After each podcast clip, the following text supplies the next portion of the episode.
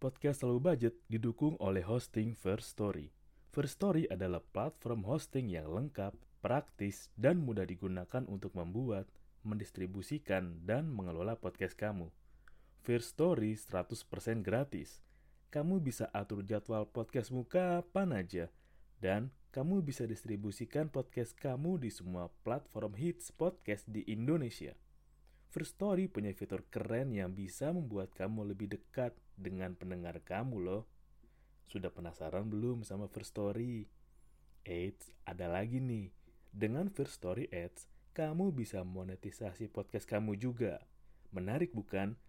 Gapai potensi maksimal podcastmu dengan tools dari platform hosting terbaik untuk para podcaster. Daftar sekarang di First Story. Mari bawa mimpi podcastingmu menjadi kenyataan.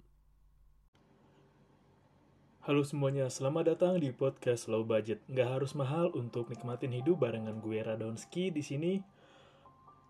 Uh, podcast ini baru banget dibuat setelah gue nonton video dari channel YouTube Are We Okay yang mengundang Lord Rangga untuk diinterview. Ya, gue ngucapin makasih banget buat tim Are We Okay dan buat Mas Hasan yang menurut gue sangat memanusiakan manusia sekali karena emang kalau lo lihat di media lo lihat di YouTube Instagram Facebook banyak orang-orang yang mencibir lo terangga itu halu waham dan anehnya pas dia tes psikologis nggak ada indikasi untuk waham kebesaran. Jadi kalau secara psikologis waham kebesaran tuh dia merasa kita orang yang superior yang wah dekat dengan orang-orang hebat atau punya garis keturunan yang bagus, darah biru istilahnya. Tapi kenapa ketika di tes psikologis Rod Rangga kelihatan normal? Well, karena gue pernah belajar sedikit juga soal aspek itu, mungkin kalau dicoba membedah Lord Rangga secara hipnosis, mungkin akan ada jawabannya dari apa yang selama ini beliau utarain. Tapi dari video barusan, gue dapet banget poinnya bahwa semakin ke sini ya semakin lo sering lihat media lo lihat apa yang terjadi dengan lingkungan sekitar banyak orang-orang yang melupakan bahwa are you okay? Am I okay? Kebanyakan orang cuma bilang kayak ini kenapa sih ini orang? Atau kebanyakan udah langsung ngejudge duluan. Kayak beberapa hari dan beberapa ya beberapa hari ketik sebelum podcast ini dibuat kemarin juga rame kan berita soal isunya Gofar yang melecehkan seorang wanita. Tanpa menghormat tanpa mengurangi rasa hormat gue ya gue salah satu penggemar Bang Gofar Hilman sih. Gue gue kagum dengan cara Bang Gofar struggle ngehadapin keadaan, caranya berjuang meraih mimpinya, dan yang gue terapin sampai sekarang adalah ketika lo mimpi, mimpilah setinggi langit, tapi langitnya harus kelihatan. Dan lo harus buat step-step bagaimana cara lo meraih mimpi lo kayak target-target kecil nih bagaimana lo ngatur bahwa oh gue mau ngewujudin mimpi gue sebelum ke atas dari misalkan ada tangga tangga pertama gue mesti mencapai A dulu nih. Atau ketika A udah nyampe di tangga berikutnya gue mau oh gue mau coba deh. Sebelum gue siap ke tangga kedua gue harus siapin ini agar pas ke tangga kedua atau tahapan kedua gue udah mulai siap. Gue masih inget banget itu. Dan ketika lo lihat komen-komennya ya terutama di Twitter itu sangat wah hmm, gue nggak tahu ya kenapa ada orang-orang yang bisa komen tanpa berpikir dulu gitu. Ada yang langsung ngejudge lah ada yang langsung mendukung lah ada yang mencari pembenaran lah. Dan setelah gue nyepetin untuk ngecek-ngecek profil mereka yang komen-komen menurut gue komen-komen yang keluar konteks dan tidak faedah ya ternyata yang komen juga orang-orang yang akunnya masih baru yang pakai foto palsu. Yang terkadang juga suka head speech gitu. Jadi kebanyakan dari kita emang lebih seneng ngejudge daripada mau mendengarkan satu sama lain. Dan itu bukan berita yang bagus dan bukan informasi yang bagus juga. Kayak ada sesuatu yang salah sih di sini. Dan kembali juga ke soal Lord Rangga kalau lu ngedengerin cara pemilihan katanya bahasa tubuhnya lu bisa ngerasain bahwa orang ini jujur sih tulus. Ya mungkin kemarin sempat dia dipidana kan karena katanya buat kegaduhan tapi setelah gua melihat video ini gue jadi tahu bahwa sebenarnya tujuannya itu mulia. Tujuannya ya nggak pingin kita tuh jadi negara yang bisa dibilang tuh ya uang masyarakat kita masih belum bisa makmur secara belum bisa makannya enak, harga-harga masih mahal dan belum lagi dengan peraturan yang masih dirancang ini kan mengenai kebutuhan bahan pokok konsumsi kita akan dikenain pajak. Yang disasar dan yang rugi siapa? Pemerintah? Enggak. Kita yang merasakan itu. Dan ini mungkin juga salah satu kegelisahan Lord Langga ngelihat keadaan Indonesia yang lo ini kenapa sih? Lu daripada bangun hal-hal yang belum begitu penting lebih baik lu bangun dulu pondasinya. Ibarat kata kalau lu mau jadi negara yang besar ya lu bangun dulu pondasi dasarnya lah. Dari menciptakan lapangan kerja mengembangkan kembali kayak misalkan pertanian seperti yang Lord bilang kan daripada lu bangun nuklir bangun hal perang ya siapin dulu aja dasarnya dan bener juga sih kalau lihat semakin ke sini pun kita dihadapin dengan beberapa hal yang menurut gue agak aneh. Kalau boleh gue kritis sedikit sebelum gue hilang, maybe ada yang mau nangkep gue atau mau jadi gue ya. Peraturan soal memajakin rakyat pun agak-agak pertanyaan buat gue, menjadi pertanyaan. Ya karena seharusnya dan idealnya tuh negara mencari uang keluar bukan ke dalam. Jadi belajar dari bernegara ala Cina ya lu mencari kekayaan mencari uang dengan cara berbisnis ke luar negeri atau mencarinya lewat luar negeri bukan dari ke dalam terus ke dalam terus. Karena yang ujung-ujungnya ya yang rugi kita gue lo. Yang mungkin gue bisa berbicara kayak gini. Karena kalau gue gue bisa lihat lebih jauh kayak oh si Doni beraninya ngeritik doang. Kayak lu ngapain sih lu? Lu dukung pemerintah dong. Pajak juga buat masyarakat. Well kita nggak berada di sepatu yang sama. Ya mungkin lu bisa ngomong gitu karena lu punya orang tua yang settle.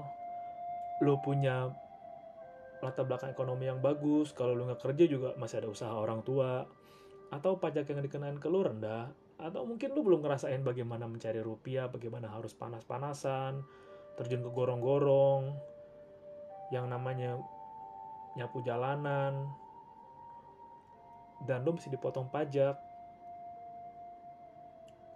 Jadi kayak misalkan lo diberi gaji 3 juta pajaknya nanti bisa 50 ribu sendiri kali ya gede ya dan pelik banget sih untuk ngebahas ini tapi yang mau gue sorotin adalah bagaimana kita terutama masyarakat terutama mungkin sama anak-anak muda juga lah kok kenapa lu kalian lu lu pada kalian kenapa sekarang lu gampang ngejudge? Kenapa gitu? Ini selalu juga jadi pertanyaan gue yang seharusnya kan kita punya otak ya kalau yang punya. Kan bisa pakai buat mikir kan. Kayak kembali ke contoh Bang Gofar banyak orang-orang yang mengaitkan isunya yang pelecehan kemarin. Ada yang bilang ah emang nih orang nih emang mukanya aja kayak bla bla bla bla. Ah emang aja nih tampang kayak begini masa banyak cewek yang mau? Di itu cewek kenapa mau udah sama cowok tampangnya begini? Lo ngerti poinnya ini gue yang gak ngerti bagi ya wajar sih kalau emang masyarakat kita dicap sebagai masyarakat nggak ramah dan ini juga jadi pertanyaan gue. Emang bener kita masyarakat ramah? Atau emang nilai-nilai itu udah mulai hilang, nilai kemanusiaan kita. nilai yang diajarin dari turun temurun bagaimana kita tuh masyarakat yang bineka tunggal ika.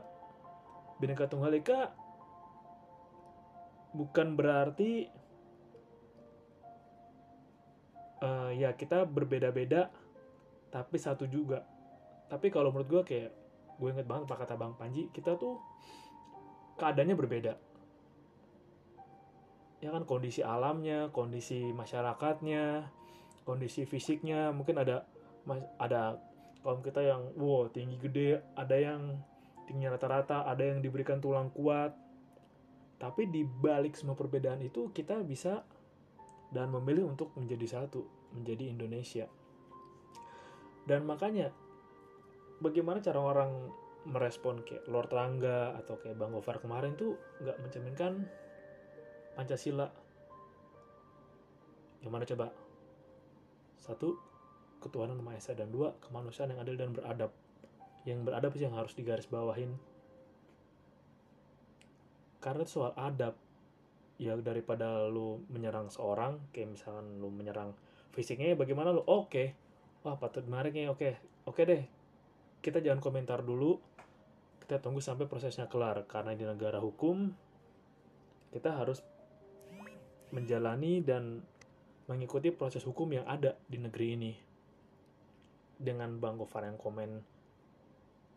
Ya nanti deh gue dan tim gue coba research research dan teliti. Dan ada yang gue komen wih bawa tim lo ngeri lo. Kayaknya bakal kalah nih. Ya nggak gitu juga dong dan ini makanya gue bilang ya kalau lo emang saking gabut cobalah uh, gunakan otak lo sekali lagi berpikir lagi gitu. Kalau emang lo gak ada kerjaan lo cuma bisa head speech lo cuma bisa kaum berbahan ya lo lakukan sesuatu dengan belajar nge-gym gitu nge-gym fitness. Kalau emang nggak fitness ya push up atau sebisa mungkin produktif lo gali diri sendiri gali skill diri sendiri. Kalau emang lu nggak punya hobi lu nggak punya apa pun ya udah lo meditasi juga bisa kan? Meditasi deh. Setidaknya tuh daripada orang-orang yang gampang ngejat gampang ngatain dan gampang banget deh kayak jempol jempolnya mungkin nggak disekolahin kan ya. Udah lo meditasi aja. Toh meditasi kan salah satu cara untuk mengenali diri sendiri yang murah dan gampang kan? Kayak lo ngelatih fokus lo bisa tenang lo bisa mencari ke dalam dan kalau lo bersyukur lo bisa mencapai tingkatan harmoni dan frekuensi yang lebih tinggi kalau lo beruntung ya. Dan juga bagaimana Rot Rangga kemarin. Emang agak lucu juga kan? Kayak apa yang Lord Rangga bilang soal dunia daftar ulang lah. Ketika di penjara akhirnya apa? Kita ngalamin yang namanya covid. Dan soal pernyataan-pernyataan yang beliau bilang soal sejarah lah soal kota di Amerika yang Banten kalau nggak salah kita merdekakan lah. Dan ada beberapa video pun gue lihat di timeline Facebook gue. Itu emang ada sih. Kayak ada video di Amerika tuh ada bendera Indonesia di bawah lambang PBB kalau nggak salah. Karena kita kan nggak pernah tahu bagaimana jalan yang pernah dilalui Rangga buka apa yang pernah dia baca dia punya mentor siapa dulu dan di video Are We Okay? Dia bilang sih dia sebagai anak angkat dua jenderal besar kan. Bagaimana kalau emang dia diajarkan soal pertahanan negara? One day gitu kan. Diajarin soal national threat atau ancaman buat negara. Atau bagaimana soal ketahanan nasional. Bagaimana cara menghadapi perang di era sekarang, bukan perang yang dodoran tapi kayak biological warfare atau weather warfare kayak perang cuaca udah mulai dilihat kayak bagaimana kita harusnya musim hujan tetap musim hujan tapi ketika sekarang kayak musim panas bisa hujan. Lo harus mulai ngebaca itu kan? Dan bersyukurnya adalah semakin ke sini semakin banyak juga sih orang-orang yang mulai ngeliat kayak wah gue respect dengan Lord Rangga walaupun ada sebagian yang masih ah nih halu ah cosplay ah orang gak jelas ah orang gila. Ini juga sendiri dibilang ah saya nggak peduli mau dibilang apa. Toh tujuan saya hanya ingin Indonesia menjadi negara lebih baik. Walaupun harga yang harus dibayar oleh Lord Rangga yang bisa gue bilang sangat-sangat mahal banget sih. Ya contoh bagaimana ada cerita waktu anak-anaknya dibully di sekolah karena anaknya oh ketika temannya tahu dia tuh anaknya Lord Rangga. Dipukulin lah di, di dia cerita di videonya. Ya kan? Dan anak ini kan juga nggak salah apa-apa dan ya nggak salah apa-apa emang anaknya bisa milih kayak ah gue nggak mau lahir dari ini ya tadi gede bakal jadi dianggap orang aneh. Lo nggak bisa milih kan? Dan untungnya adalah gue salut juga sih bagaimana Lord Rangga membesarkan anaknya ini salah satu teknik parenting yang gue harus terapin dan lu semua juga harus terapin sih bagaimana lu membesarkan hati anak lu ketika anak lu dirundung, ketika anak lu diledekin, ketika anak lu misalkan gagal mencapai sesuatu, misalkan dia menghadapi nilainya jelek. Membesarkan hati anak lu adalah salah satu tujuan parenting yang penting. Karena dengan itu anak lu jadi punya modal untuk mandiri dan menjadi anak yang kuat secara mental. Dan terima kasih juga buat tim Are We Okay membuat gue berpikir lagi kayak ada sesuatu yang terpicu dalam pikiran gue. Dan ini juga sempat menjadi keresahan gue udah lama banget. Selalu gue bawa kayak orang-orang mungkin bertanya lu gimana kabar lu kerja di mana? Eh pacar lu mana? Keluarga lu mana? Udah punya apa? Tapi nggak banyak orang-orang yang peduli dan tanya are you happy now? Are you okay? Atau kalau lo bertanya lebih dalam lagi ya lo bisa tanya bahwa am I okay? Apakah gue sebenarnya baik-baik aja? Dan wah gue bener-bener sedih juga sih gue ngeliat interview ini. Interview Mas Hasan sama Lord Rangga. Well ketika orang-orang di YouTube lain membuat Lord Rangga tampak bodoh ya tampak halu tampak sebagai hiburan bahan lelucon tapi di sini Lord Rangga ya sangat dimanusiakan sekali dan dengar cerita beliau yang harus atau dalam keadaan mendekam di penjara dan saat itu almarhumah ibunya meninggal Lord Rangga nggak bisa ngelihat itu wah itu sakit banget sih. Dan yang bikin gue hormat dan salut banget adalah orang tuanya dalam hal ini ibunya nggak memandang rendah mimpi anaknya dan percaya itu anaknya bisa dapetin apa yang anaknya pingin itu juga sih yang satu hal yang harus gue pelajarin juga. Ketika misal lu punya anak anak lu bilang e, aku ingin jadi Ultraman. Itu ada secara nggak langsung anak lu ingin jadi anak yang bermanfaat bisa menolong orang banyak ya tugas lu adalah memastikan anak lu berada pada jalur yang tepat sesuai dengan impian yang dia mau. Mungkin impiannya juga bakal berubah di, di semajang jalan dengan apa yang dialamin lah atau dengan keadaan tapi sebagai orang tua dan ini yang gue salut banget sama almarhumah ibu Lord Rangga nggak meremehkan mimpi anaknya dan percaya kalau anaknya bisa mewujudkan mimpinya. Itu udah. Ini kalau orang tua udah gitu mau anaknya dikecewain apa pun dilecehin apa pun juga anak itu pasti bakal kuat. Kayak ah gue nggak peduli sama omongan lo semua anjing. Terserah lo mau maki-maki gue kayak mengudahin gue kayak tapi gue percaya ada ibu gue yang percaya sama gue ibu gue yang percaya gue bisa dapetin mimpi gue ibu gue yang percaya gue bisa ngejar mimpi gue dan udah nggak ada yang bisa ngalangin lo kalau orang tua udah percaya.